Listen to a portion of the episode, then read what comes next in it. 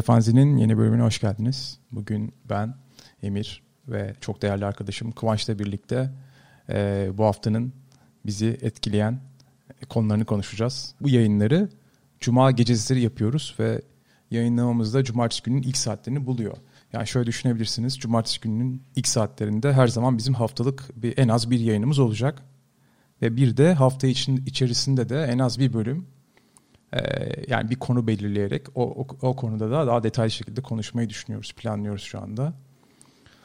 Um, şimdi konseptimizden biraz bahsetmek gerekirse gece e, gece fazilinin konseptinden şu şekilde ikimiz de her hafta bizi o hafta etkilemiş olan geride bıraktığımız hafta ile ilgili altışar konu belirliyoruz. Maksimum altışar konu belirliyoruz. Peki Kıvanç o zaman e, konseptimizden bahsettik. E, bu haftaya özel olduğundan da bahsettik. Bu hafta e, bir eleme yapmayacağız ama bundan sonraki haftalarda biraz önce de belirtmiş olduğumuz gibi e, ikimiz de maksimum altışar e, bizi etkileyen ya da o hafta e, gerçekleşen gelişmelerle ilgili konuşacağız. E, bunu e, duyurduğumuz an konu başlıklarını e, bir eleme hakkımız olacak ikimizin de ve bir tanesini daha sonraki bir zamana ya da tamamen iptal ettireceğiz. İptal edeceğiz. Ona, konu hakkında konuşmayacağız.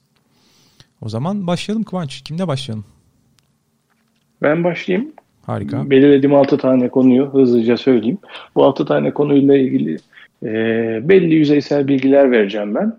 E, önümüzdeki programlarda daha detaylı e, eğer ilgi çekerse daha detaylı bilgiler de vereceğiz. Daha e, konuyla ilgili teferruatlı incelemelerimiz de olabilecek. Birinci düşündüğüm konu Xiaomi'nin ekosisteminin içerisindeki ev teknolojileri, ev cihazları.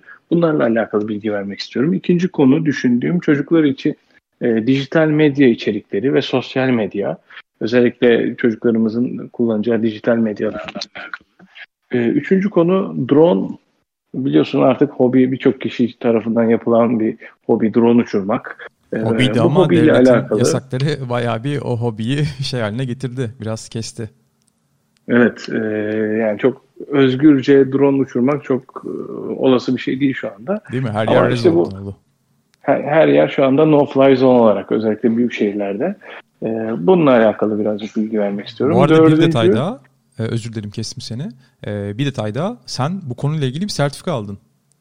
Değil mi? Gidip evet, evet. de tüm başvurularını aldın. Aslında çok güzel bir konu. Hani belki ileriki dönemlerde yani drone konusunda ikimiz de ilgi duyduğu için yani bu konuda e, özel bir şey yapabiliriz. Özellikle de dinleyen arkadaşlarımız da dinlemek isterlerse bence çok güzel bir şey olabilir. Hatta e, ben özellikle şey dinlemek isterim senden. Çünkü o sertifikayı ben de çok almak istiyorum. Hatta sen bana aslında tavsiye etmiştin ama e, vakit ayıramadım. Vakit ayıramadım diyeyim evet. Ama bir sonraki aşamada ben de almak istiyorum. Mesela o konu özellikle bence ilgi çeken bir konu olabilir diye tahmin ediyorum. O zaman belki bir sonraki bölümlerimizden bir tanesinde buna daha detaylı inceleyeceğimiz bir bölümde yapabiliriz. Harika olur. E, drone modellerini, e, Türkiye'de özellikle bunu daha profesyonel bir şekilde yapmak isteyen kişilerin e, ne gibi kanallarda, ne gibi mecralarda kendilerini geliştirebilecekleri konusunda çeşitli şeyler söyleyebiliriz. Dördüncü yazdığım konu e-spor. Ee, özellikle bu pandemi döneminde daha da herkesin ilgisini çekti. Evimizde olduğumuz zaman yapabildiğimiz veya takip edebildiğimiz sporlardan bir tanesi daha kolaylıkla yapılan e-spor. Ee, ve gitgide de artık normal sporlarında e, yerini almasa bile en az onlar kadar ilgi çeken, onlar kadar e, insanların e, rağbet gösterdiği bir spor dalı haline geldi. Onunla ilgili ufak bilgiler vermek istiyorum. E, beşinci konu pandemi dönemi sonrası perakendecilik. Ee, pandemi döneminde biliyorsunuz hepimiz e-ticaret üzerinden birçok ihtiyacımızı giderdik. Fakat bu e, günün sonunda umarım ki çok hızlı bir zaman içerisinde e, bu pandemi döneminden çıkacağız. Peki o zaman artık perakende sektörü tekrardan eski haline, eski şekline bürünebilecek mi? Bu konulardaki beklentilerimiz, düşüncelerimiz neler? Altıncı konu e, sanal gerçeklik üzerine oyun teknolojileri. Özellikle PlayStation'ın 4 modelinin içerisinde biliyorsun bir gözlük vardı. Bununla alakalı da e, ben de hemen çıktığı gün almıştım hatta. Deneyimlerimi aktarmak istiyorum.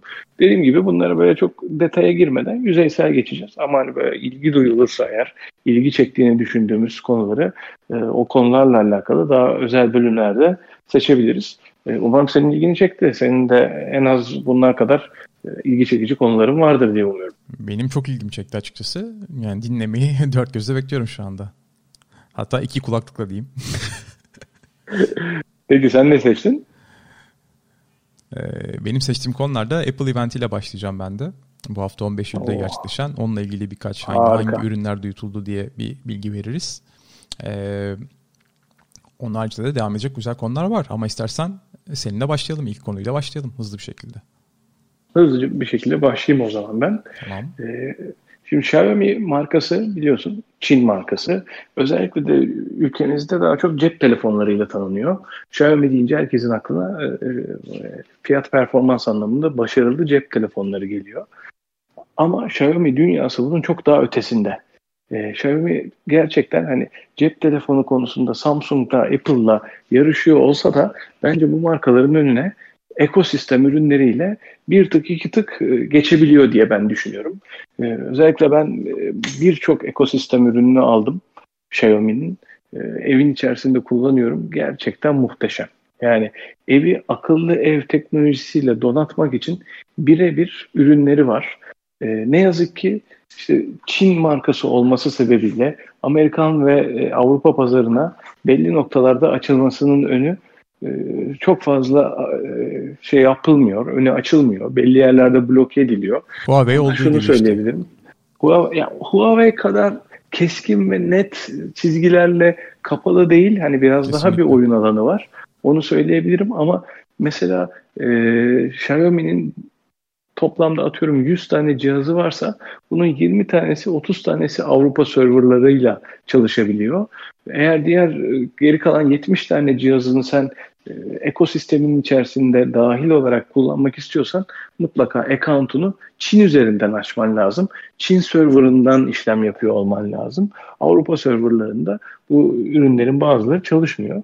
E, hatta Çin serverında çalışan bazı ürünlerde Avrupa serverında çalışmıyor. Mesela akıllı robotu var. E, şey robotu, temizleme robotu görüyorsundur. Özellikle pandemi döneminde fiyatları inanılmaz arttı. 2000'sine çıktı. E, ve her geçen gün üstüne daha da koyarak yeni teknolojilerle kendini de geliştiren bir robot.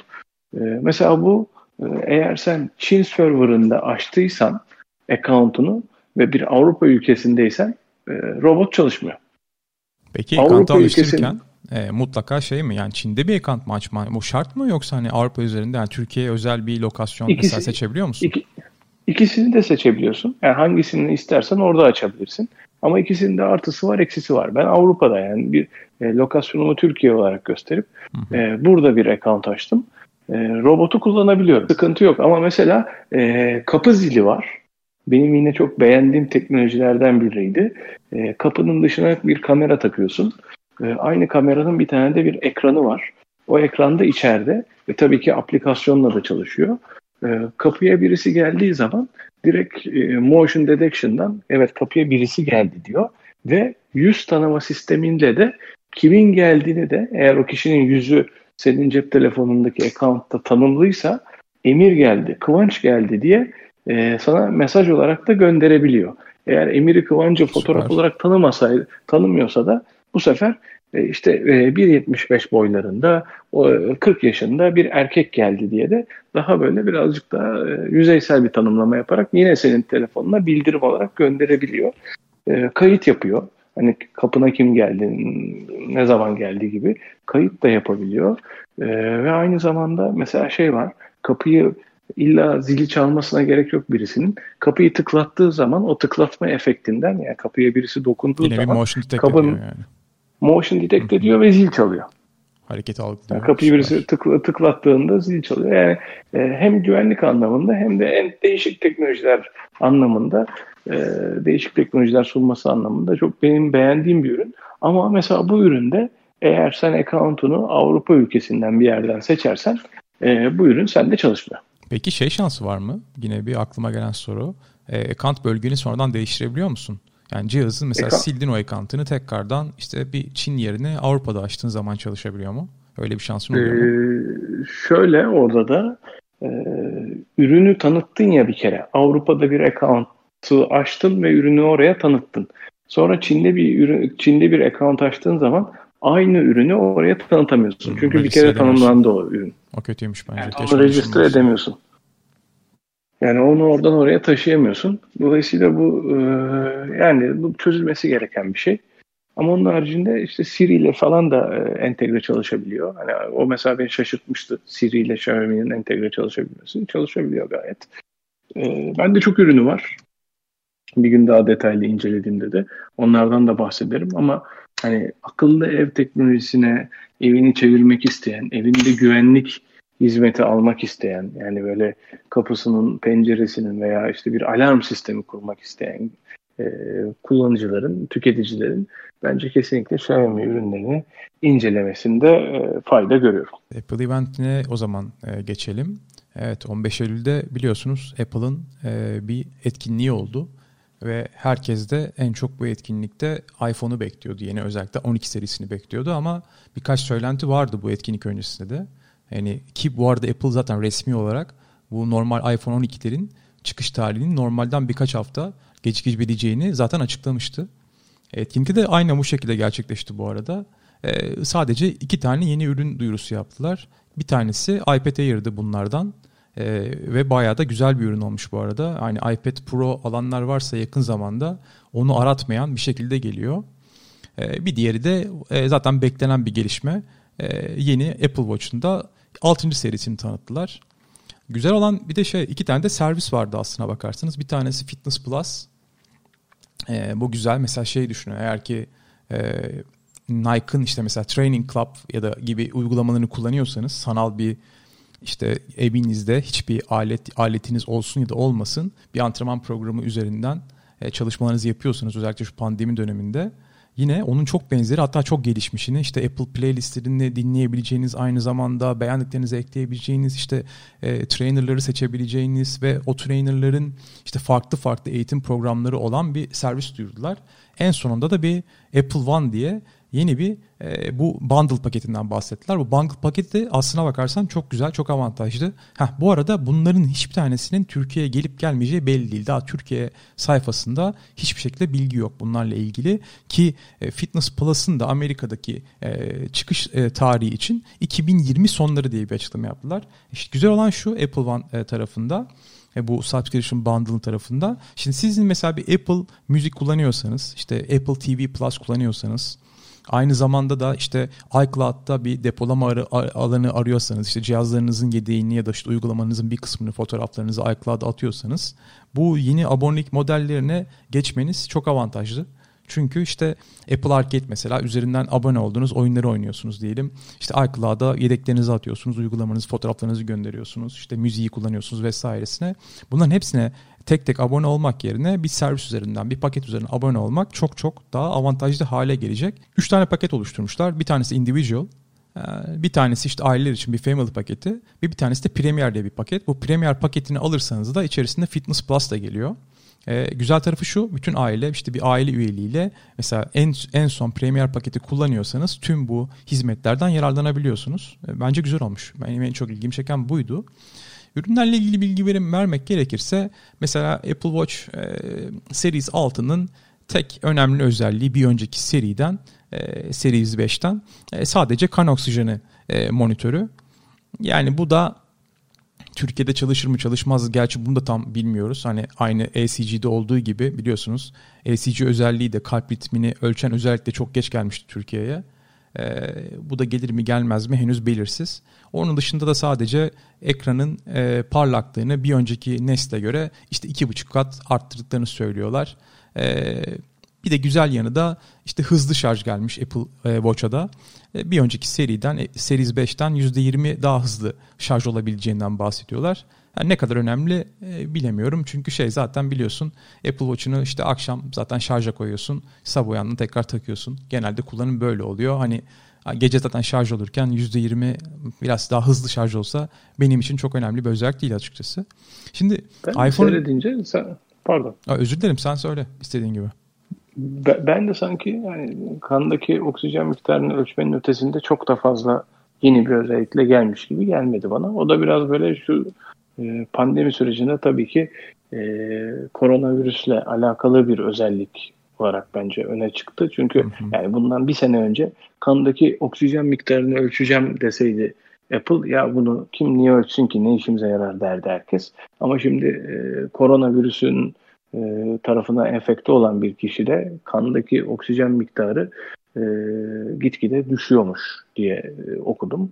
%90'ın altında düştüğü zaman hatta e, çok ciddi e, alarm seviyesine geliyormuş. Dolayısıyla evet. hani kolundaki saatte bunu ölçme özelliği de bence birazcık da bu pandemi sebebiyle getirilmiş bir özellik. Ama hani pandemi bir gün sona erirse e, umarım ki hızlı bir zamanda olur bu da.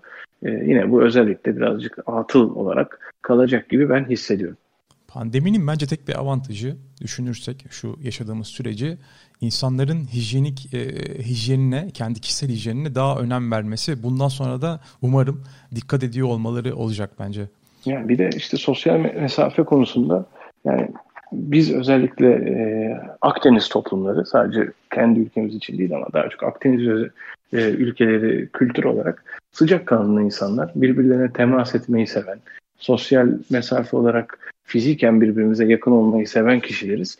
E sen yani diğer insana ne kadar yakınsan onu öyle veya böyle bir şekilde enfekte etme ihtimalin o kadar artıyor. Dolayısıyla belki biz de bundan sonra böyle hemen görür görmez birbirimize o öpüşme, koklaşma, tokalaşma e, o kültürden birazcık bence uzaklaşacağız. Daha bir böyle İskandinav kültürü gibi daha soğuk belki biraz daha e, uzaktan selamlaşma, e, uzaktan merhabalaşma gibi bir e, mimik ve jest e, uygulamasına geçeceğiz gibi hissediyorum ben de.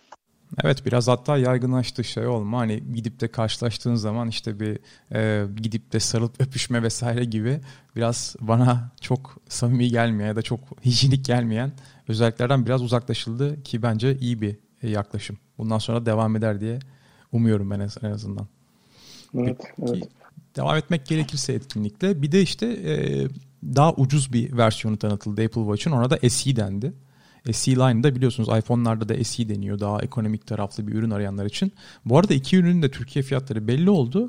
Ee, mesela işte bahsetmek gerekirse e, Apple Watch 6. Işte, 6. seri e, mesela 3799 TL'den başlıyor. Apple Watch SE'nin fiyatı da 2699 TL'den başlıyor. Bunlar tabii ikisi de 40 milimetrelik versiyonlar için. Bu arada şeyi kaldırdılar daha önceden de olduğu gibi işte Series 5 ve Series 4'ü kaldırdılar. Bir de Series 3 satılacak ülkemizde. E, Series 3'ün fiyatını da 1899 TL olarak belirlemişler. E, fiyatlama bana inanılmaz anlamsız geldi. Yani şimdi e, Series 3'ü bu fiyattan almak yerine SE alınır diyeceğim. Ama bence SE ile şey arasında çok büyük bir fark yok. Yani 1000 TL'lik bir fiyat e, farkı var yaklaşık olarak. Baktığınız zaman e, sunduğu özelliklere göre ben olsam biraz daha bekleyip de yani Series 6 alırdım ya da e, Series 4 ya da Series 5 alıp da yoluma devam ederdim. Ki Series 5 kullanıyorsanız da bence hiç değmez. Asıl en son söyleyeceğim günün yıldızı iPad Air'di bence iPad Pro'dan neredeyse hiç farkı kalmamış. Sadece 120 Hz işte Pro Display ekran dışında, Pro Motion Display haricinde, LiDAR kamera haricinde hiçbir e, şey kalmamış, eksiği kalmamış. Bir güzel taraf bu bunu muhtemelen iPhone 12'de de göreceğiz ki o etkinlikte muhtemelen Ekim ayında gelecek. A14 işlemci kullanıyor ilk defa ki işte iPad Pro'larda A12Z kullanıyorlar mesela. Bunun haricinde güzel tarafı bir güzel tarafı da şu.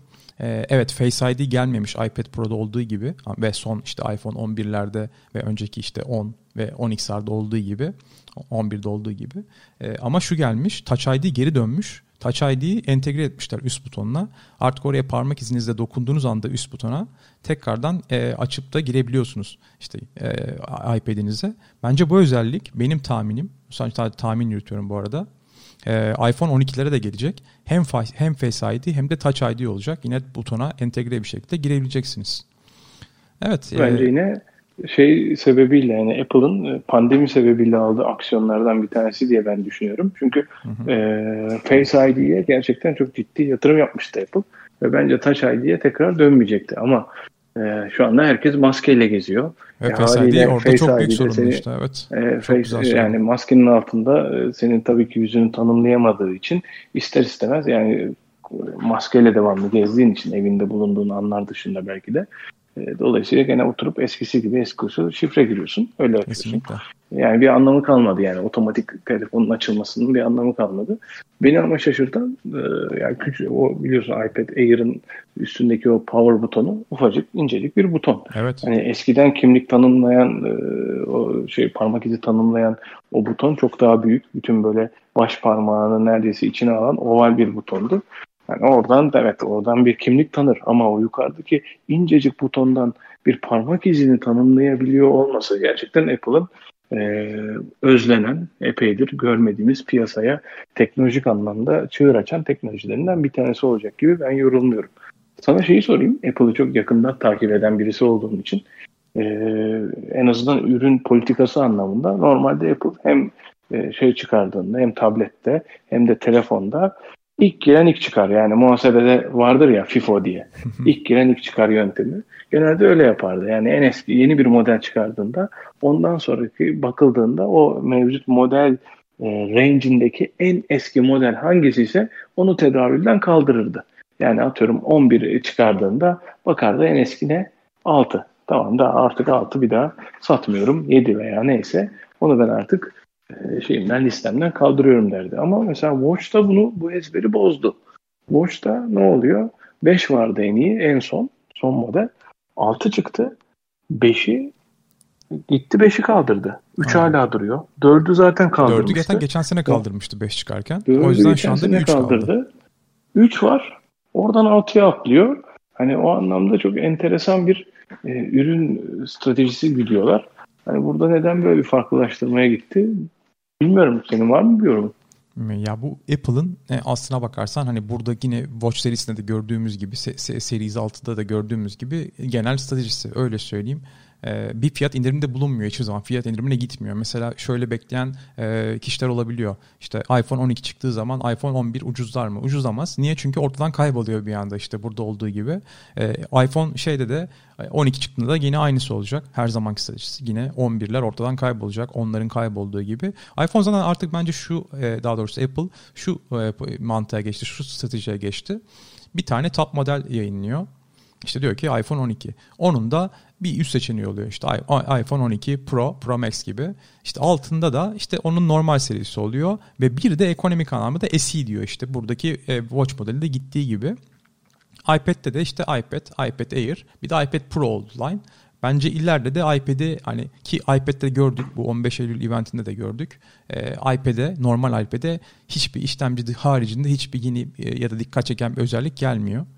Ee, yani artık bence iPad almak e, çok fiyat odaklı değilseniz çok mantıksız. iPad Air mükemmel olmuş hatta öyle söyleyeyim. iPad Pro'nun da yani 12.9 e, modelini düşünmüyorsanız bence iPad Air e, almak çok daha mantıklı. Ve hatta bu arada sana da soracaktım. Sen de bir Apple kullanıcısı olduğu, olduğun için e, iOS 14'te çıktı bu arada. Ve bu arada e, ilk defa yeni bir şeyde Apple tarafında da bir gelişme yaşandı. Apple ne yapıyordu? Normalde etkinliklerde özellikle de bu iPhone'un tanıtılacağı etkinliklerde işte iOS 14'ün Golden Master sürümü işte bu akşam işte çıkıyor diyordu.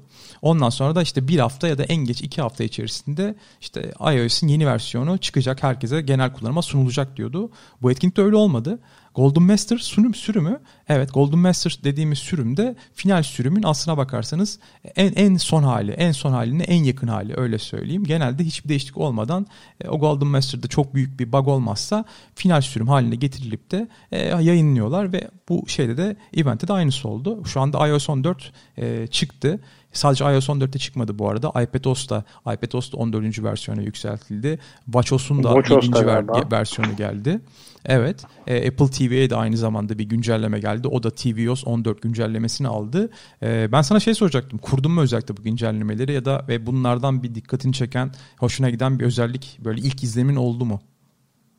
O konuda şöyle bir e, sebepten birazcık geriden takip etmek durumundayım. Şirket telefonu kullandığım için. E, şirket telefonları da biliyorsun e, işletim sistemi anlamında hani sen e, istediğin gibi özgürce istediğin aplikasyonu veya işletim sistemini kuramıyorsun veya istediğin upgrade'i yapamıyorsun ancak e, şirketin IT politikasından ve şeylerden geçtikten sonra sizin şirkette MDM kullanıyorlar diye tahmin ediyorum değil mi? O şekildeydi. Yani MDM evet. üzerinden kullandığınız için bir şey, uygulama vesaire kullanımı işte işte bir yetkiye dayalı.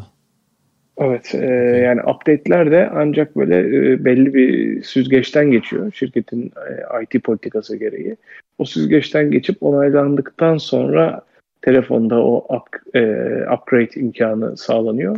Henüz ondan dolayı biz e, iOS 14'e upgrade edemedik.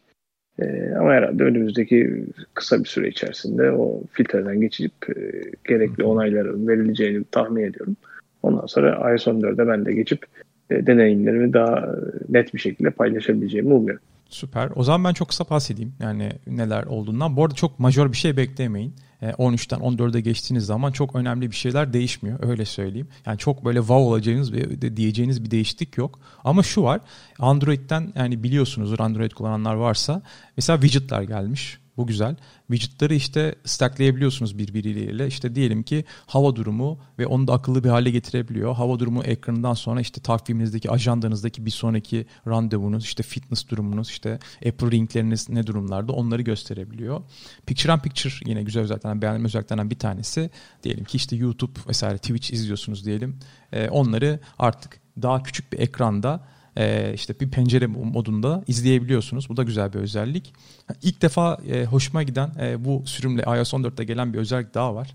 E, o da şey e, YouTube'un 4K olması. Biliyorsunuz işte orada bir kodek savaşı nedeniyle YouTube'la Apple arasında VP9 o kodeğin ismi de e, şeyi kullanamıyorduk. YouTube'u e, iPhone'lardan e, ya da bir herhangi bir iOS cihazdan destekte olması şartıyla tabii ki 4K izleyemiyorduk. Artık ilk defa 1080p'nin üstünde çözünürlükte e, seyretmeye başlayabiliyoruz.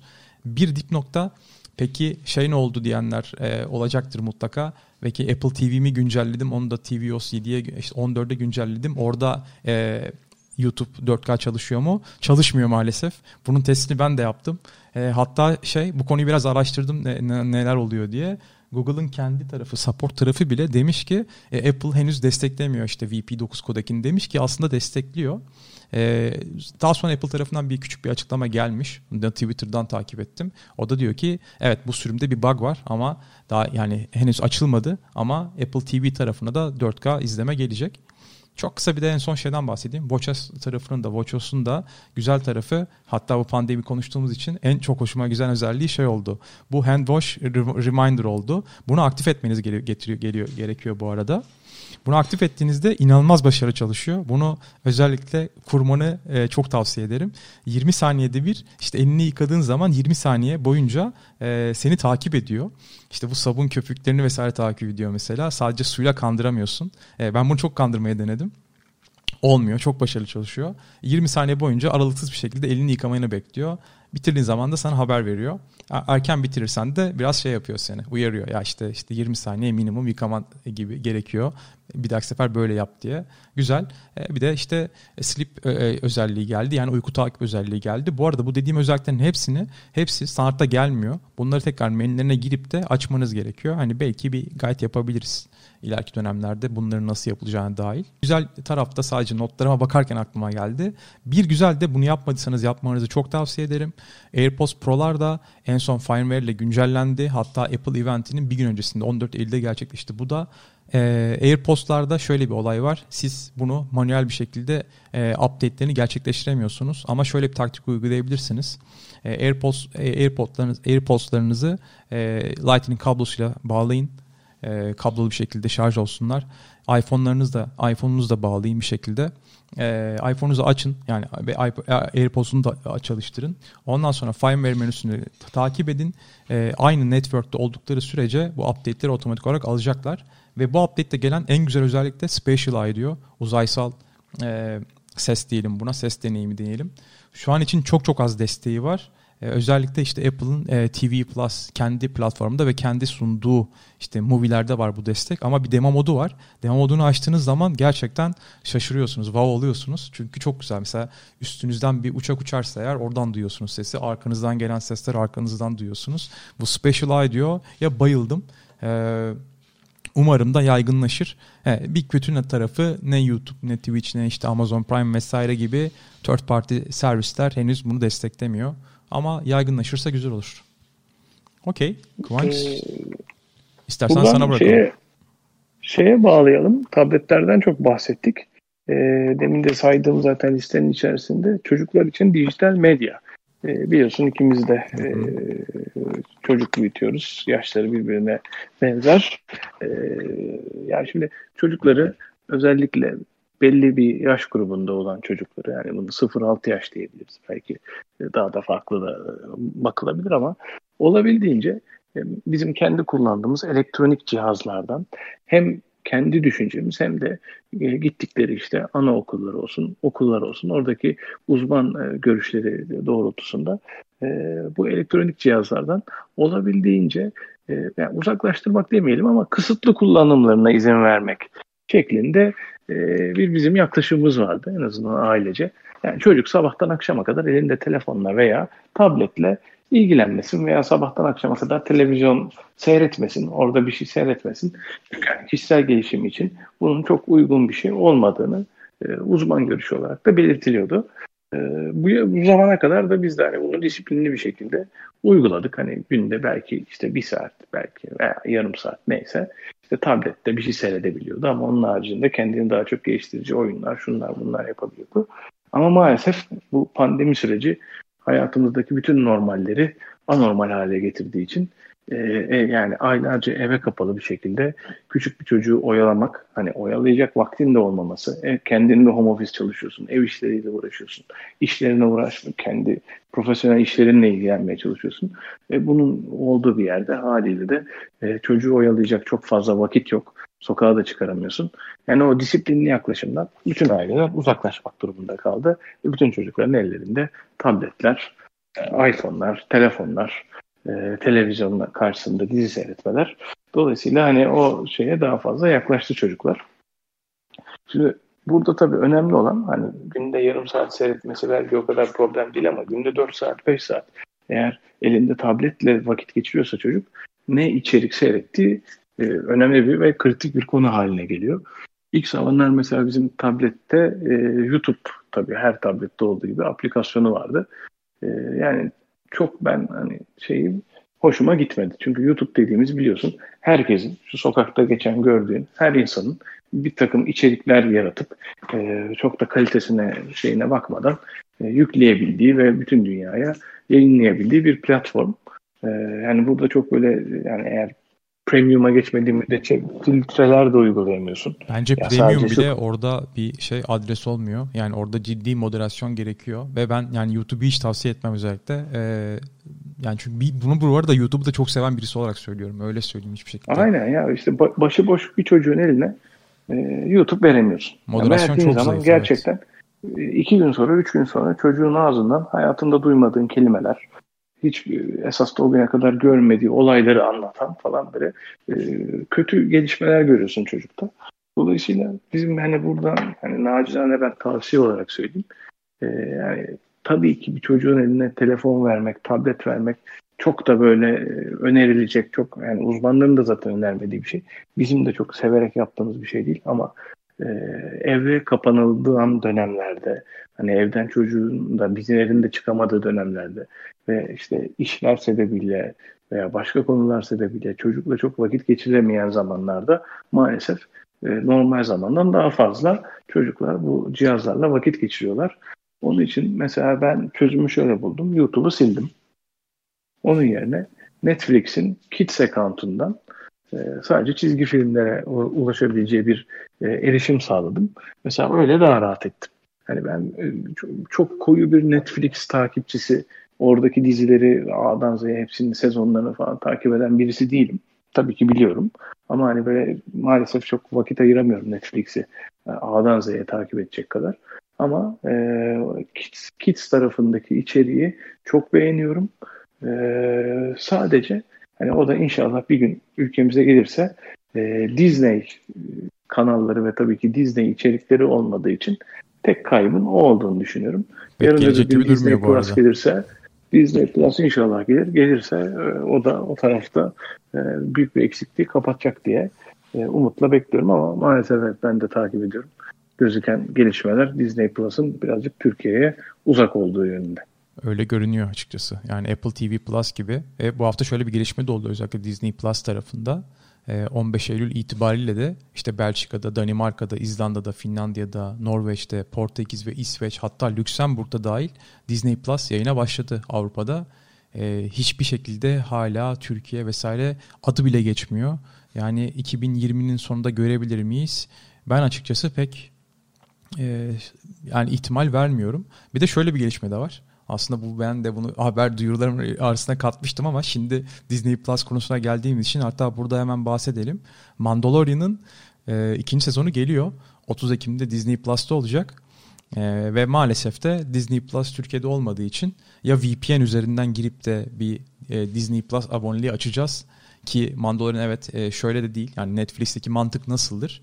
E, sezon işte yayınlanır. Ondan sonra siz işte tüm sezonu işte isterseniz bir gecede oturup da seyredebilirsiniz. Şimdi Mandalorian'da biraz daha mantık farklı.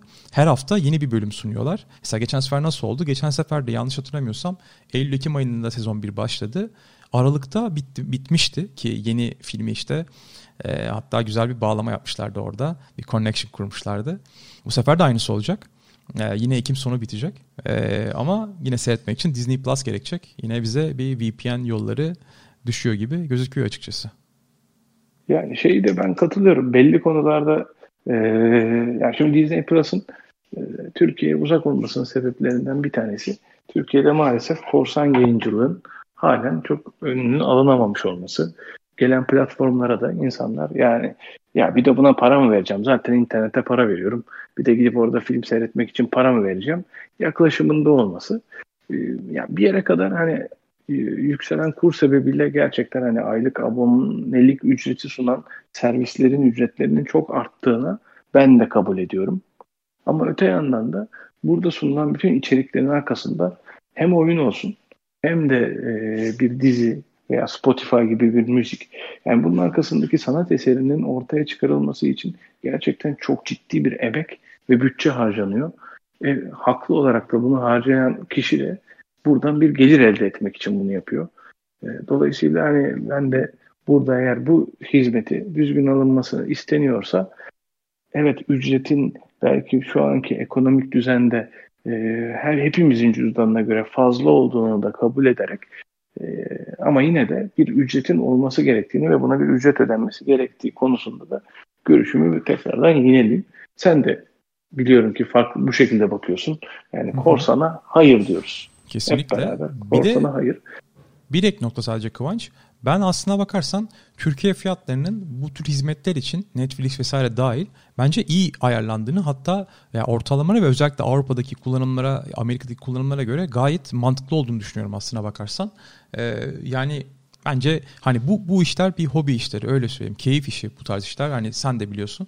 O yüzden yani, yani müzik dinlemek için, film e, izlemek için e, bence bütçe ayrılmalı ve şu anda da bu servislerin Türkiye fiyatları açıkçası e, bana e, çok mantıklı ve makul seviyelerde geliyor ki ayrı bir müzik tarafında benim de kişisel ilgim olduğu için e, bu tarafı değerlendiririz ama özellikle bence müzik ücretleri inanılmaz iyi. Öyle söyleyeyim. Yani bir Spotify'ın işte ta, bir tek Tidal'ı ayrı koyarım bu, bu, burada fiyatlandırma konusunda ama işte YouTube müziğin olsun, Apple müziğin olsun Spotify'ın fiyatları bence olağanüstü iyi. Ha Tidal'ın da fiyatının farklı olması biraz hi-fi e, sen artık daha üst düzey müzik dinlemek istiyorsan işte 24 bit olsun e, benim dinlediğim müziğim işte tam e, işte bende süper donanımlar var onların tam zevkini alayım da dinlemeyin diyorsan evet onun da bir bedeli olacak tabii ki ama o bedel gibi yine yanlış hatırlamıyorsam 39 lira gibi bir bedel olması lazım.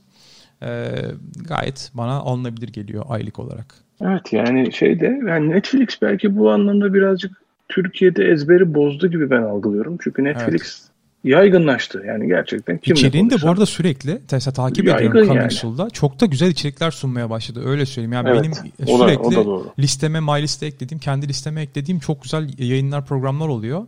Belgesellerini çok çok çok beğeniyorum. Yani en son mesela işte hani sadece şu anda örnek vereceğim. İşte My Octopus Teacher diye bir tane şey buldum. Bir belgesel buldum. Bir dokümenteriydi. Ve inanılmaz güzel. Bu arada seyretmeyenler de seyretmesini tavsiye ederim.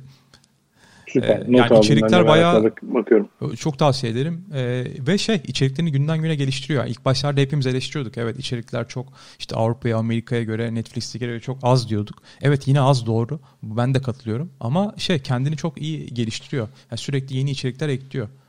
Bu da güzel bir artı. Umarım devam eder. Kesinlikle. Kesinlikle.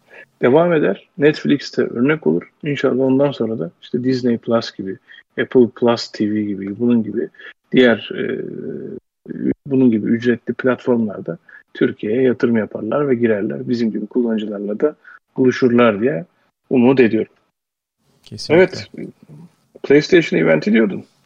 Evet. Heyecanlandırdın bizi. Güzel. Aynen. Ee, güzel konulardan bir tanesi bu hafta. İkimizin de en çok heyecan duyduğu konulardan bir tanesi. Bu hafta işte biliyorsun hem Xbox'ın e, fiyatları ve hem de PlayStation 5'in fiyatı ve çıkış tarihleri belli oldu. İkisi de. E, fiyatları çok birbirine yakın. E, mesela Xbox'ın e, S, S serisi 299 dolardan başlıyor ki bu seri özellikle benim çok ilgimi çekti. Neden olduğundan birazdan bahsedeceğim. X serisi de 499 dolardan başlayacak. Bu arada bunların hepsi Amerika fiyatları çıkışta ve ön sipariş tarihleri de e, şu anda aslında açıldı Amerika'da. Çıkış tarihi e, Xbox tarafı için e, Kasım'ın 10'u. PlayStation 5 tarafında da fiyatlar yine belli oldu. Onun da 499 dolarlık bir fiyatı var. O da 12 Kasım'da çıkıyor. Bir de Digital Edition'ı açıkladılar. Bunda da sadece işte 4K işte e, Blu-ray olmayan versiyonu.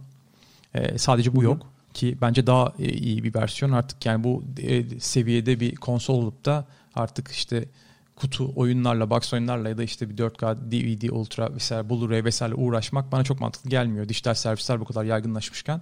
Bu arada ismi de şey Digital Edition. Ee, hı hı. Türkiye ile ilgili en ufak maalesef bir bilgi yok. Heh, şöyle bir gelişme oldu Xbox tarafında, Microsoft tarafında. Microsoft konsolların sitesinde yayınladı fiyatlarını.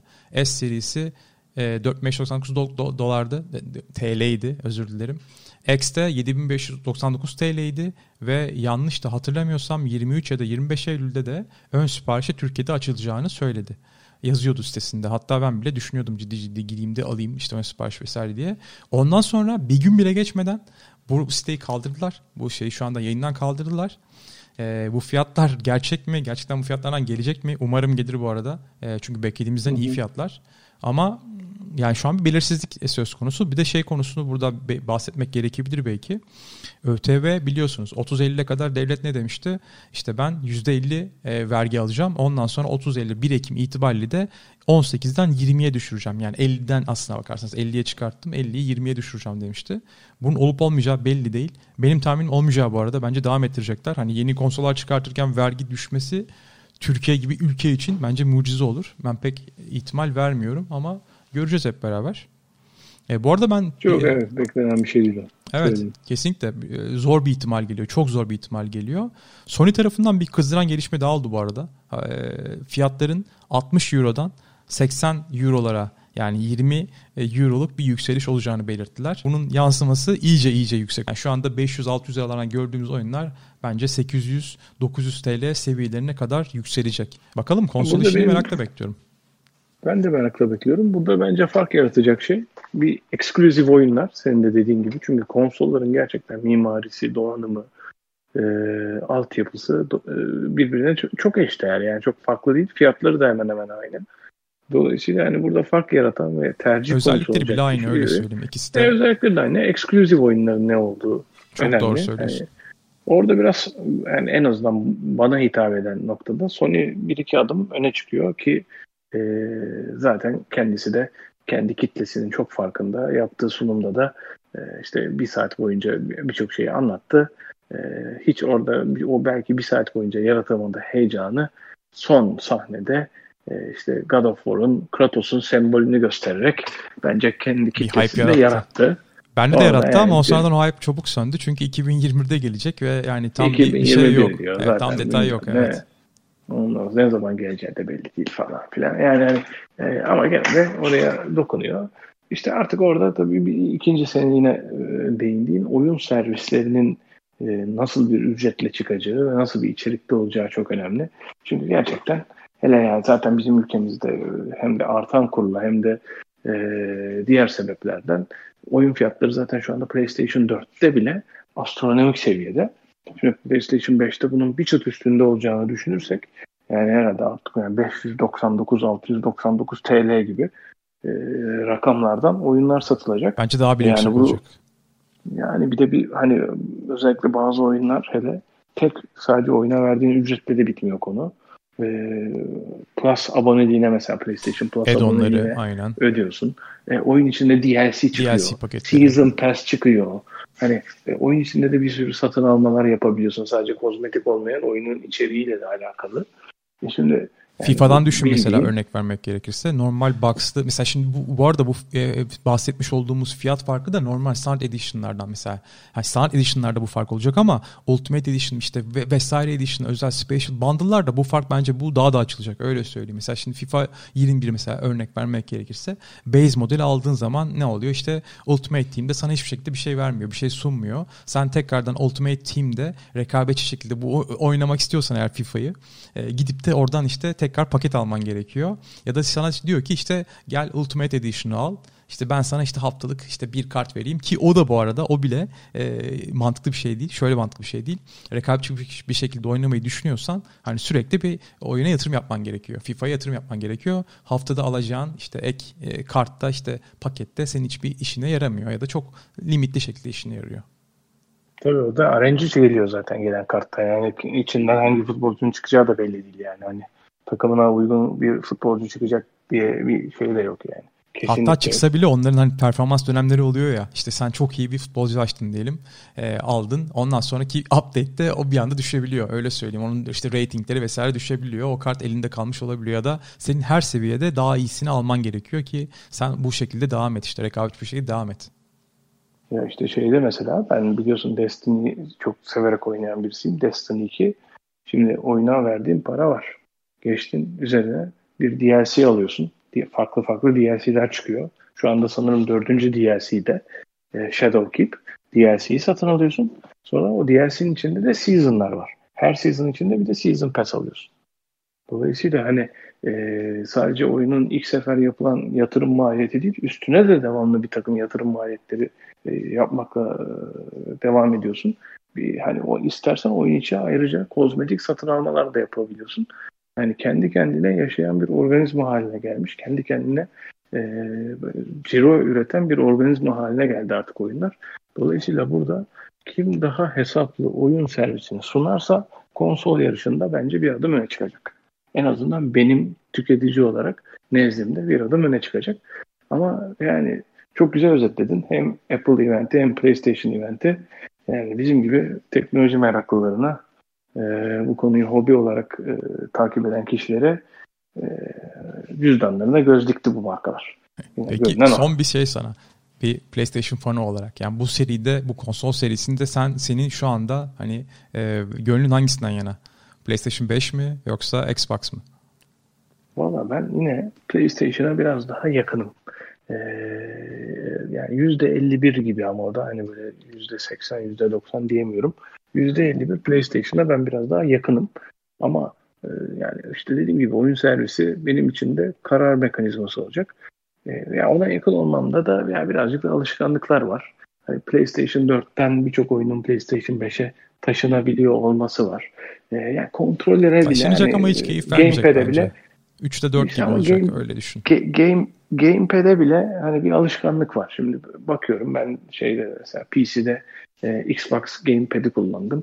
Yani olmuyor, uymuyor mesela. Yapamıyorum yani. Zor geliyor. Yani belki belli Alışmak gerekiyor. Şey olur evet. da alışacak da hani zaten casual gamerlarız. Hani böyle saatlerimizi harcayamıyoruz oyunlara. Dolayısıyla hani onun için sanki PlayStation'a biraz daha yakın gibiyim ama göreceğiz zamanla. Ve yani asla da çıkar çıkmaz almayacağım. O da bir gerçek yani. o bize daha önceden bir, bir ders. Burada bir gönderme daha hissediyorum sende ama evet. Evet. Özellikle PS4'ün çıkışı gibi hissediyorum. Yaşadığımız PS4'ün bir süreç olduğu için. gece 3'te e, çıkışını bekleyip bir teknoloji sitesinin e, açılışını orada bekleyip gece e, o gece uyumayıp gece 3'te işte 10 tane satılacağı haberini alıp o 10 şanslı kişiden biri olup PlayStation 4'e e, sahip olup ama aldıktan sonra da çok ciddi bir sükuta hayalle uğramak. işte birçok söylenen işte özelliğin lansmanda belirtilen birçok özelliğin henüz PlayStation'a gelmemesi, DVD dahi oynatamaması, ilk çıkış anındaki Indie Game Master hani, aynen. Yani sakil bir halde e, tamamen boş bir platform olarak sunulması benim için gerçekten sükutu hayaldi. Onun için şimdi bir tane iki firma birbirini çok sıkıştırıyor. İkisi de hemen hemen aynı zamanda ürünü çıkarmak için. Bence gene birçok özellikten feragat edilecek. Yine boş bir platform olarak sunulacak. Sonra zamanla gelen update'lerle, patch'lerle, yeni versiyonlarla e, donanım toparlanacak diye düşünüyorum. Onun için ben yani asla hangisini alacak olsam da e, çıkar çıkamaz almayacağım. Yani bir, herhalde 6 ay bir sene hı hı. beklemeyi düşünüyorum. Süper. Benim de görüşüm şöyle. Ben Xbox'ın bu ilk defa bir e, PlayStation yerine Microsoft Xbox çok e, cazip gelmeye başladı. Ama orada da e, Series X yerine Series S yani 1440p çözünürlük sunan daha e, basit versiyonu, ucuz versiyonu daha çok ilgimi çekiyor. Neden? Çünkü e, biliyorsun iki sene içerisinde en geç bu konsollar bir üst seviyeye taşınacak. İşte Xbox'ın bir üst modeli gelecek. PS5'in de Pro'su gelecek çok büyük ihtimalle. Asıl bence rekabet ve işte konsolların kendine gelmesi o dönemde olacak. E, bu dönemde de Microsoft'un e, özellikle işte Game Pass'i e, inanılmaz mantıklı geliyor. E, süper bir fiyata sahipti. O, e, 15 Eylül'e kadar yanılmıyorsam yine e, on, yaklaşık 15 TL'lerden sunuluyordu PC versiyonu. E, şu anda 30 TL'ye çıktı. Fakat yine Xbox e, tarafında işte bu komple hem PC hem de e, Xbox bundle'ını almak yine Ultimate versiyonu almak çok mantıklı hale geliyor. Çok iyi bir hale geliyor. Ve bu arada EA Play ile de bir anlaşma yaptılar. Ya yani bu, bu ne oluyor dersen de işte e, Electronic Arts'ın da işte FIFA vesaire gibi e, tüm yeni çıkan sürümlerini de oyunlarını da tabi destekleyen oyunlarını da bu Game Pass altında oynayabileceksin. Güzel tarafı da şu ister PC'inde ister Android desteği bir cihazında e, bu oyunların işte stream yöntemiyle oynayabileceksin.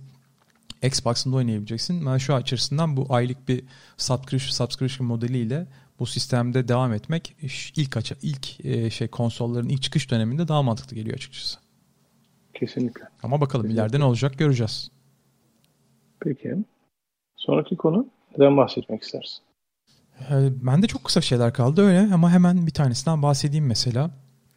Ee, bu arada bir şey yapalım. Ee, şu anda Epic Games'e baktığımda Epic Games'i bilmeyenler varsa eğer Steam'e e, alternatif bir servis ve bayağı da iyi yatırım yapıyorlar. Aynı zamanda da Fortnite'ın e, yapımcısı e, Epic Games. Mesela daha önceden de e, Grand Theft e, Auto gibi işte e, oyunu ücretsiz sunmuşlardı. Böyle şeyleri promosyonlar oluyor. Şu anda da gerçi Football Manager 2021 çıkacak ama 2020 eğer ki Epic Games'in sitesine girerseniz 24 Eylül'e kadar ücretsiz sunuluyor e, promosyon başlığında. Evet Harika çok iyi. Almanı tavsiye ederim. Yani ben de bu arada hem Game Pass'te var hem ben zaten iyi bir FMC olduğum için de bütün serilerini hemen çıkar çıkmaz aldığım için, oynadığım için e, bu tek nadir sevdiğim oyunlardan FIFA ile birlikte işte Football Manager'da bir de aynı zamanda Warcraft. Bu üçü, üçünden vaz, ben vazgeçemiyorum. Ee, daha doğrusu en sevdiğim oyunlar. Ee, bakalım. Bu seride de göreceğiz. Futbol e, Manager 2020 henüz duyurulmadı ama muhtemelen Kasım ayında çıkacak. Zaten hem kısa sürede hemen duyurulup da oyun sürülüyor. Ee, ilk çıktığı versiyonlara da çok fazla bug'lar oluyor.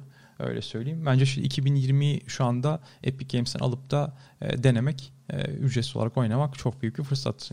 İsteyen herkes bence ilgi duyan bu seriye girip de almasını tavsiye doğru, ederim. Doğru. Kesinlikle. Kesinlikle. Bir diğer duyuru da Amazon Prime. Bilmiyorum e, haberin oldu mu? Amazon Prime servisini Türkiye'de kullanıma açtı ve inanılmaz ötesi bir fiyatla geldi. Aylık 7.90 TL'ye ve 30 gün ücretsiz şekilde kullanabiliyorsun. Ne sağlıyor? 50 TL altı ürünlerde aynı gün hizmet alabiliyorsun. Ee, Amazon'un kendi ürünlerinde e, seçtin diyelim aynı gün sana teslim ediyorlar. Daha da güzel bir özelliği Amazon'un Prime işte Prime Video servisi Prime Gaming e, Twitch'in işte yeni yeni ismi e, Twitch Gaming'in yeni ismi. Bunlara da sahip olabiliyorsun. E, fiyat inanılmaz ötesi tekrar bahsedeyim ama bir tek dezavantajı var. E, diğer işte Amerika'daki ya da işte diğer Avrupa ülkelerindeki üyeliklere göre kitap servisi Amazon Books gelmiyor. Amazon Müzik de gelmiyor. Ama sunduğu ücrete göre bence mükemmel. Herkesin de alıp desteklemesini tavsiye ederim bence. Bu bile gayet heyecanlandırdı şu anda beni. Kesinlikle. Ya Kindle'ın bakalım ya ben, ben şimdi bir, de, bir, bir sonraki aşamada Amazon'un yapabileceği en güzel şeyin Kindle'ı Türkiye'ye getirmek olduğunu düşünüyorum. Umarım gelir. Yani Evet şu anda Audible yine bir Amazon servisi üzerinden ben sesli kitapları e, şu an çok takip ediyorum ve, ve bayağı iyi de bir koleksiyonum oluştu. O da çok hoşuma gidiyor ama yani Kindle üzerinden de hani kitapları alıp da sahip olup da işte oradan notlar almak ya da işte ya istediğin sayfaya geri dönüp de orayı tekrar okumak vesairesi. Çünkü seste şöyle bir şey var. Tamam hadi şeyler gözüküyor. Episod isimleri vesairesi. Ona dönebiliyorsun ama kitap bir, bir kademe hani tamam e, biraz daha kullanışlı kullanışlı kullanışlı geliyor dijital dijital versiyon olmak olmak şartıyla tabii ki.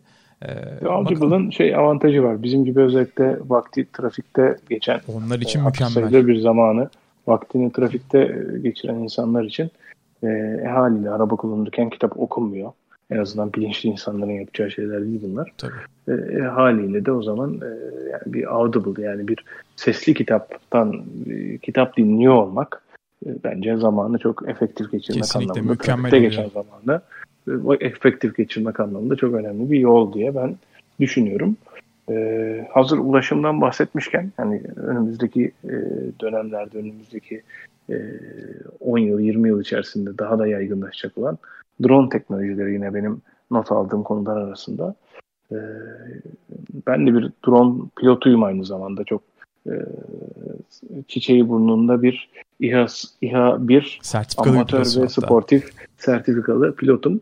Ee, şimdi ama tabii Türkiye'de yani şimdi bazı şeylere de katılıyorum.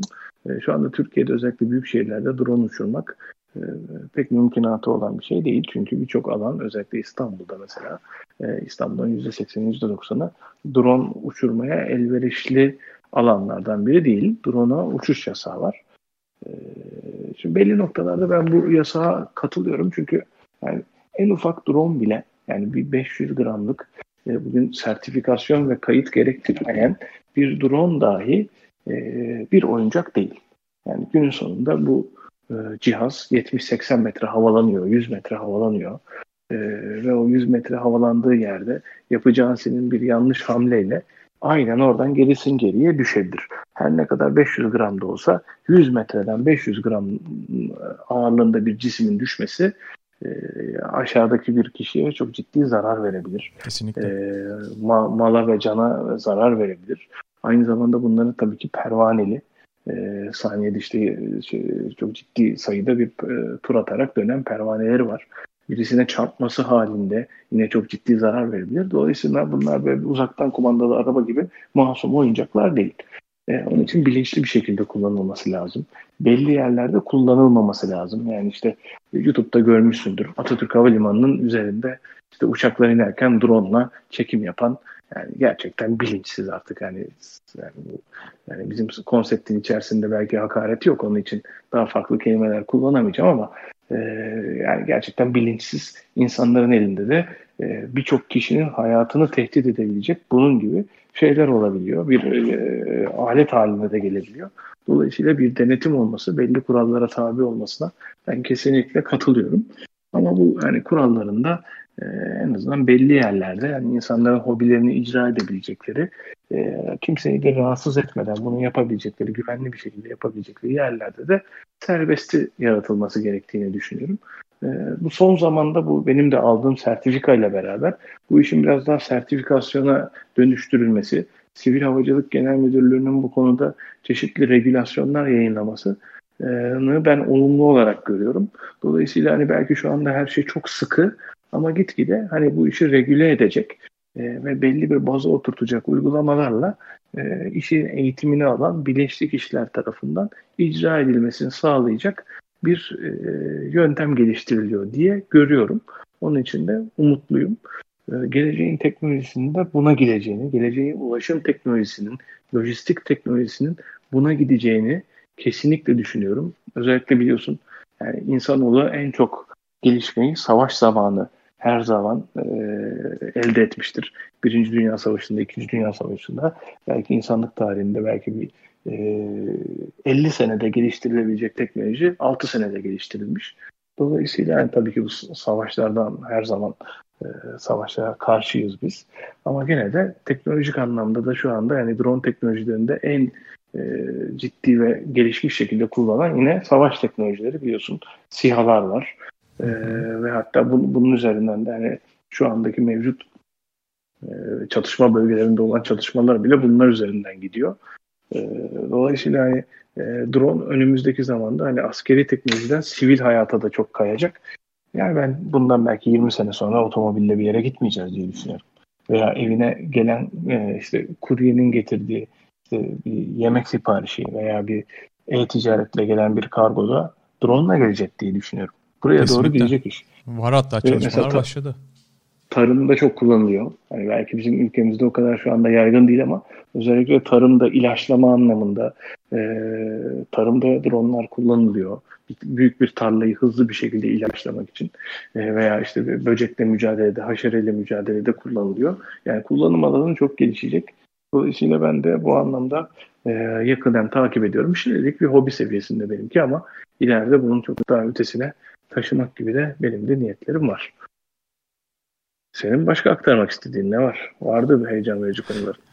E, aslında e, yaklaştık ama şeyler var. Bir de benim bu hafta çok etkileyen e, Nvidia tarafı var. Nvidia'nın birkaç e, ürün e, duyuruları oldu. Öyle söyleyeyim ve işte en büyük e, bunla, bunların en büyük en başında da şey geçiyor. ARM'ı biliyorsun SoftBank'in sahip olduğu işlemci tasarım firması ARM'ı 40 milyar dolara satın aldılar.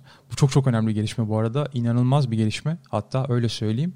Biliyorsun Apple'ın da bir sonraki seviyede artık Intel işlemcileri kullanmayı kısıtlı hale getireceklerini söylediler. Ee, ARM işlemcilere geçiyoruz dediler. Bundan sonra kendimiz tasarlayacağız. Kendi tasarladığımız işlemcilerle gideceğiz dediler. Bunda da en büyük problem aslında Intel'in ısınma problemiydi. Tam bekledikleri performansı bulamamışlardı. Bir de şöyle bir şey de var. Intel bayağı bir gerileme de biliyorsun. Yeni konsollarında da bir önceki seviye işte PS4'te, e, Xbox One'da da AMD işlemciler kullanılıyordu. AMD'nin de inanılmaz bir çıkışı var e, işlemci tarafında.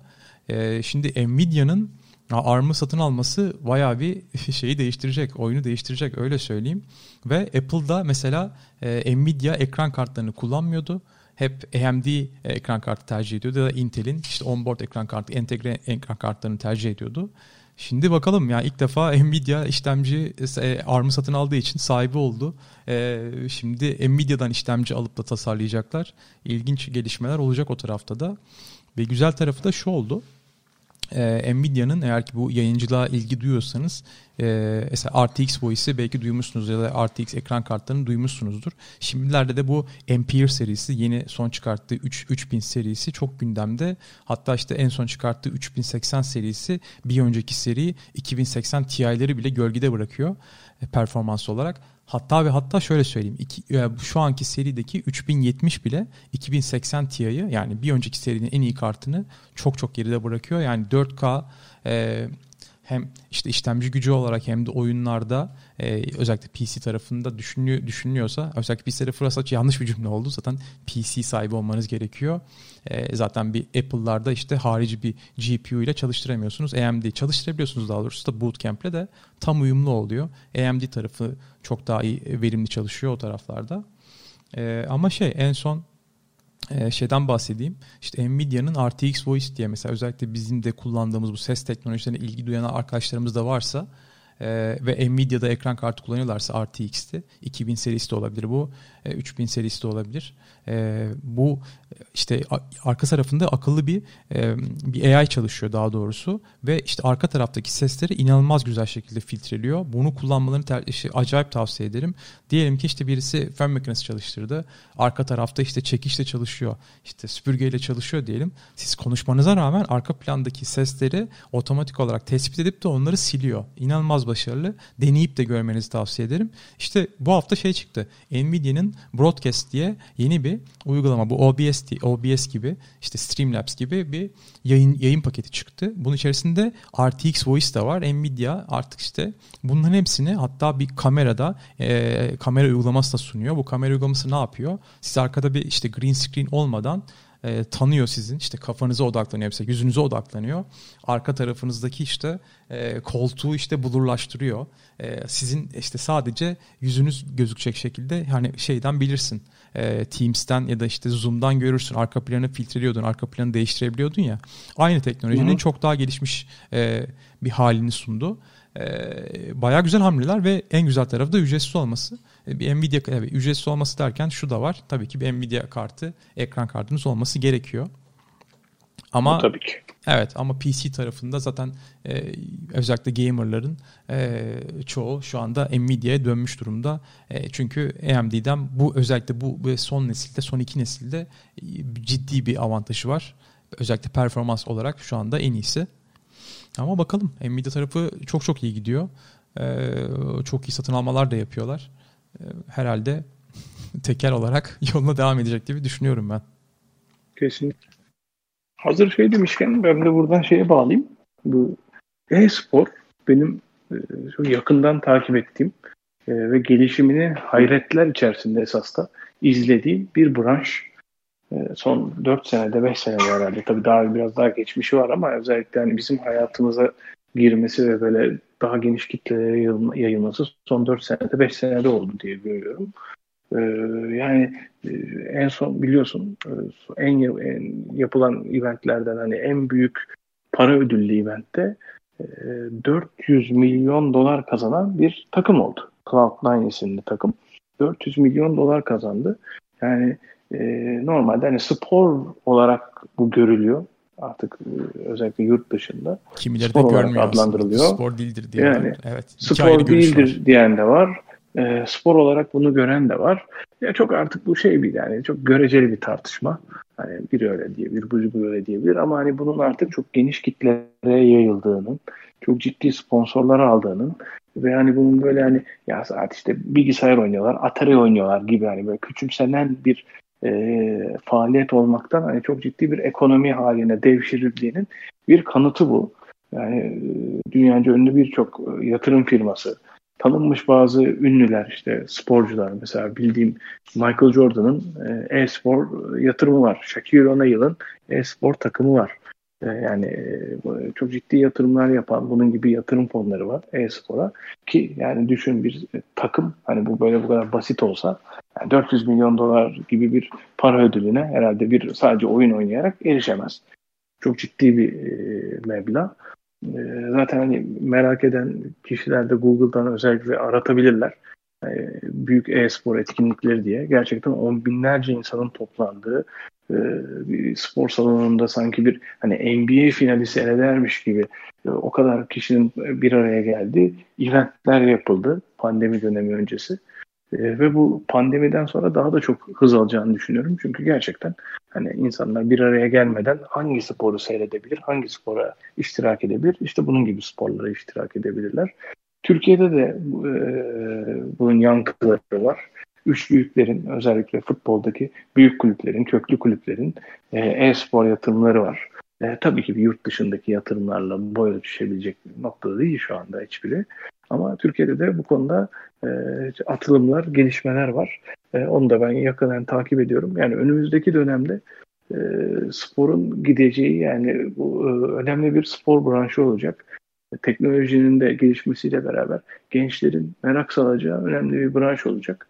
E, bakalım bizim zamanımızda hani biz yani, e, senin de herhalde çok farklı değil. E-sporcular göreceğiz. Yani, yani. E, e, bizim hani e-spora doğru hani bir e, motivasyonumuz aile tarafında çok fazla yoktu. Hatta tam tersine hani geceleri annemiz babamız yattıktan sonra gizli gizli bilgisayar açıp oynayabilen bir nesildik.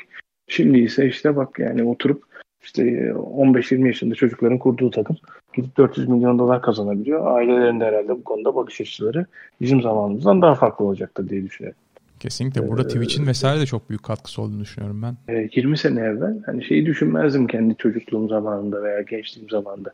Yani oyunu oynaması zevkli, seyretmesi zevkli değil ki diye düşünürdüm. Şimdi tam tersine hani birileri güzel bir şekilde oyun oynadığı zaman çok ciddi bir izleyici kitlesi de onun oynamasını seyrediyor. Ve bunu para vererek ücretli bir şekilde yapabiliyor. Ee, bu da işte son yıllarda çok gelişen Twitch'le beraber, senin de söylediğin gibi YouTube'la beraber özellikle sosyal medya YouTube'da. platformlarının da arkasında durmasıyla beraber çok gelişen bir olgu haline geldi diye görüyorum ben de. E, hızlıca hani oyuna şey yapmışken ben e, sanal gerçeklikle ilgili bir tecrübemi ileteyim. E, PlayStation VR benim çok yıllardır merak ettiğim bir teknolojiydi. İşte böyle yani e, bilim kurgu filmlerinde falan görürüz. Kocaman bir gözlük takarsın işte bir bir anda sanki bir yere ışınlanmış gibi onun içerisinde olursun. E, yani bu teknolojinin eve girmesi benim için tabii çok heyecan verici bir şeydi. Yani biliyorsun ikimiz de böyle teknolojiyi çok yakından takip eden insanlarız. E, PlayStation 4 çıkar çıkmaz almış birisi olarak o da PlayStation VR'da çıkar çıkmaz gidip aldım. E, ama iki hafta sonra iade ettim. O bir faciaydı ee, maalesef. Büyüklüğü, evet, kullanışsızlığı. Yani hem ürünün birazcık kendisinin de şeyi var. Evet. E, yani dört tane falan kablo var. O dört tane kablo PlayStation'a bağlanıyor. E, ve yani bu kocaman kalın kalın kablolar. Onun bir verdiği bir konforsuzluk var. Yani hareket ediyorsun. O kablolar her tarafında. İşte onun bir şeyi var. Ama benimki birazcık onun da ötesinde. Belki benim bünyemle de alakalı bir şey. Ee, yani biyolojik de şey var sonuçta. Bunun da bir tanımı var. Ee, yani ben belli bir sürenin üzerinde ki o süre bende kısaydı. 5 ila 10 dakika. 5 ila 10 dakikadan daha fazla oynadıktan sonra e, bende birazcık mide bulantısı, baş dönmesi gibi şeyler yapmaya başladı. E, çünkü o da biraz hani gözle beyinciğin arasında bir koordinasyonsuzluk yaratmasıyla alakalı bir durum olduğunu internetten araştırdığımda gördüm. E, çünkü gözün seni e, yani gördüğün oyunun içerisindesin gözün seni hareket ederken görüyor hareket ediyormuşsun diye e, beyne sinyal gönderiyor. E, beyincik de senin denge mekanizman. O da diyor ki hayır yerinde duruyorsun sen diyor. Hiçbir yere hareket ettiğin falan yok diyor. Dolayısıyla göz hareket sinyali gönderirken beyincik hayır hareket etmiyor deyince ortada bir koordinasyonsuzluk oluşuyor ve o da işte baş dönmesi, baş ağrısı gibi e, rahatsızlık veriyordu. Dolayısıyla ben çok kullanamadım. Yani aletin de konforsuzluğu vardı. O da cabası oldu. Ben fazla kullanamadım. E, geri iade ettim. E, dediğim gibi daha yenisi çıksa, daha konforlu bir alet çıksa ona da ben birazcık soğuk bakarım. Çünkü yenisi çıkacak mı soru işareti bu arada. Çünkü o çok hızlı bir şekilde ortadan kayboldu. PS4'te de. E, ya zaten daha ismi geçmiyor açıkçası. İşte yani Sony'nin birazcık biliyorsun zaten bir ürünü çıkartıp ondan sonra arkasında durmaması e, zaten Sony'nin birazcık alışkanlık PS yaratmış. PS Vita. O da başka bir günün öyle. konusu mesela. Yani o da başka bir günün konusu. Nasıl zamanın e, şartlarına göre ne kadar güzel bir cihaz çıktı. Sonra nasıl bir anda ortada sahipsiz bırakıldı. PSVR da öyle. Ee, yine o günün şartlarına göre bence yine iyi bir teknolojiydi. Ondan sonra işte bir sürü oyunlar gelecek, her oyun bunu destekleyecek falan denirken tak diye bir anda geri çekildi. Dediğin doğru. PlayStation 5'in lansmanı yapılıyor. 50 tane şey anlatılıyor. VR'la alakalı. Yani o orada geçerli olacak mı, şu olacak mı falan. Yani kelimesi dahi geçmiyor. Dolayısıyla belli ki bu teknolojide e, eski eskiyen rafa kalkan teknolojilerden biri olarak e, yerini alacak diye görüyorum ben de. O tarafta bayağı bir ilgi azaldı bence de. Şöyle söyleyeyim. Mesela ben de ilk o teknoloji deneyimlediğimde Samsung'un bir Note serisinde işte o başlıklarla Samsung'un başlığıyla geliyordu. VR başlığıyla beraber geliyordu. O teknolojide kullanabiliyordunuz. Bir tane müzik klibi seyretmiştim. Ee, e, inanılmaz gelmişti öyle söyleyeyim. One Republic'in bir klibini seyretmiştim. Wow, böyle kafanı çeviriyorsun işte aşağıya bakıyorsun aşağıdaki kişileri görebiliyorsun. İşte birisi piyano çalıyor yanda işte bas çalıyor birisi elektro vesaire. İnanılmaz etkileyici gelmişti. Ama şey e, çok bir örneği çıkmadı devamı gelmedi. Ondan sonra da ortadan kayboldu gitti zaten. Evet yani şeyde e, yani en, bilmem benim bünyemdeki etkisi böyleydi. Belki birçok başka kişilerde de farklı olacağını zannetmiyorum. Yani sadece süresi belki o rahatsızlık verme süresi daha uzun olabilir. Bilmiyorum ama genel olarak yani insan bünyesine de birazcık aykırı bir teknoloji. E, dolayısıyla ben o konunun hani demin nasıl hani drone teknolojileri acayip yerlere gelebilir. E-sporun daha çok gidecek yolu var, geleceği çok açık derken yani benim görüşüm en azından VR teknolojisinin o kadar da ilerlemeyeceği yönünde. Evet, senin Konuların bitti galiba. Bitti. Sadece son iki tane şey duyuru var. Bu hafta işte benim özellikle ilgimi çeken konulardan olduğu için ve duyuru olduğu için yine ya da dinleyici arkadaşlardan da belki bu konularla ilgilenenler olabileceği için söylüyorum sadece. Sony tarafında A7C, A7C kompakt duyuruldu. Çok güzel bir kamera. kamera. Ee, A7S'in çıktığı bu dönemlerde A7C de özellikle bir önceki A7 3 serisinden e, biraz daha iyi özellikler sunuyor ama özellikle A6 6000 serisi bir cihaz sahibiyseniz bu cihaz siz, bu cihaz sizi oldukça memnun edecek öyle söyleyeyim. Çok güzel özellikleri var. Ve bir de GoPro 9 Black Edition duyuruldu. E, o da 5K çekim yapabiliyor. E, bir önceki 8'den farklı olarak. E, 5K'da 30 FPS sunabiliyor bu arada ama e, 2.7K'da 1440p'de 120 FPS sunabiliyor. 60 60 FPS tabii ki de destekliyor. Özellikle bu modlarda 5G ve 4K hariç modlarda 20 megapiksel fotoğraf çekebiliyor ve işte önüne de bir artık ikinci bir ekran getirmişler. Artık siz önden de kendinizin görüntünüzü de görebiliyorsunuz. Ee, tekrardan işte ikinci bir monitöre ya da işte cep telefonunuzdan bakmaya ihtiyaç duymuyorsunuz. Aynı zamanda lensler geliştirmişler. Çok güzel.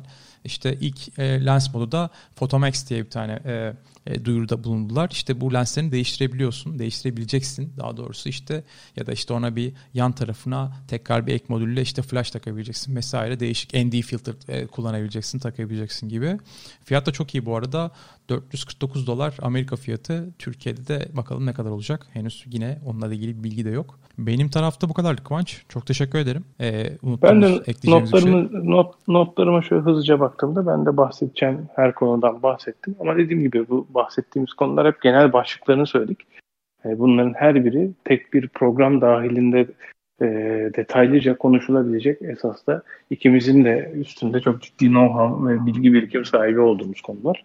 Bunlar için her birinin teker teker yani bir saat boyunca anlatabilecek e, donanıma da sahibiz. Önümüzdeki programlarda da bunların da detaylarına gireceğiz. Ee, teknoloji ağırlıklı bir konseptimiz var. Teknolojideki gelişmeleri konuşacağımız bir konseptimiz var. Ama yeri geldi bunun da biraz daha ötesine de geçip özellikle hani e, ekonomi, iş dünyası, kendi e, tecrübelerimiz onları da aktarabileceğimiz yerler olacaktır illaki. E, dolayısıyla biraz da hani şey bir içerik yapıyoruz. Yani böyle çok keskin hatlarla çizilmiş değil. Biraz daha hani böyle sohbetin sohbeti açtığı e, yani böyle belli sınırlar içerisinde tabii ki kalan ama o sınırlarında e, çok keskin çizgilerle çizilmediği bir konseptimiz var. Aldığımız tabii ki e, geri bildirimler e, şeylerle de beraber e, bunu da şekillendireceğiz diyoruz. Peki e, ufaktan kapatıyoruz o zaman. Ben şeyi söyleyeyim. Nerelerden ulaşabilirler bize? Hı hı. bizi dinlemek isteyen kişiler. E, tabii. Hemen tekrarlayalım yayının sonunda. E, öncelikle bütün e, major e, podcast platformlarına varız. İşte iTunes, Spotify, Google Podcast, Pocket, Pocket Casts gibi. Aynı zamanda da özellikle de Anchor'da işte gece fanzini e, ve bizi tüm platformlarda tabii ki gece fanzini olarak e, aratabilirler. E, özellikle de Anchor.com e, üzerine girip de işte gece fanzini olarak aratıp e, aratıp da bize ulaşabilirlerse orada işte değerli yorumlarını, ne görmek istediklerini ve sesli mesajlarını özellikle bırakabilirlerse çok seviniriz. Çok memnun oluruz dinleyici arkadaşlarımız. Ee, böyle bir olan, olasılık da var. Denemedinizse de Anchor'ı inanılmaz şekilde tavsiye ederim. Mükemmel bir uygulama. Ee, biz dediğim gibi e, tamamen bir kalite anlayışıyla da e, bir şekilde devam edeceğiz yayınlarımıza. Her şekilde de kendimizi zaten aşmak, geliştirmek her bölüm sonrası ana hedefimiz olacak. E, bugün olduğu gibi, bundan sonraki bölümlerde olacağı gibi. bakalım bir şekilde başladık. İlk bölüm her zaman için en zoru. bundan Birincinin sonra da... günah olmaz diyoruz. evet başlangıcı yaptık. En zorunu bitirdik gibi düşünüyorum. Peki. Çok teşekkür ederiz. Görüşmek üzere. Çok teşekkür ediyoruz buraya kadar dinlediğiniz, katlandığınız için. Bu haftayı kapatalım. Outro'muz girsin. Çok teşekkürler tekrar. Teşekkürler.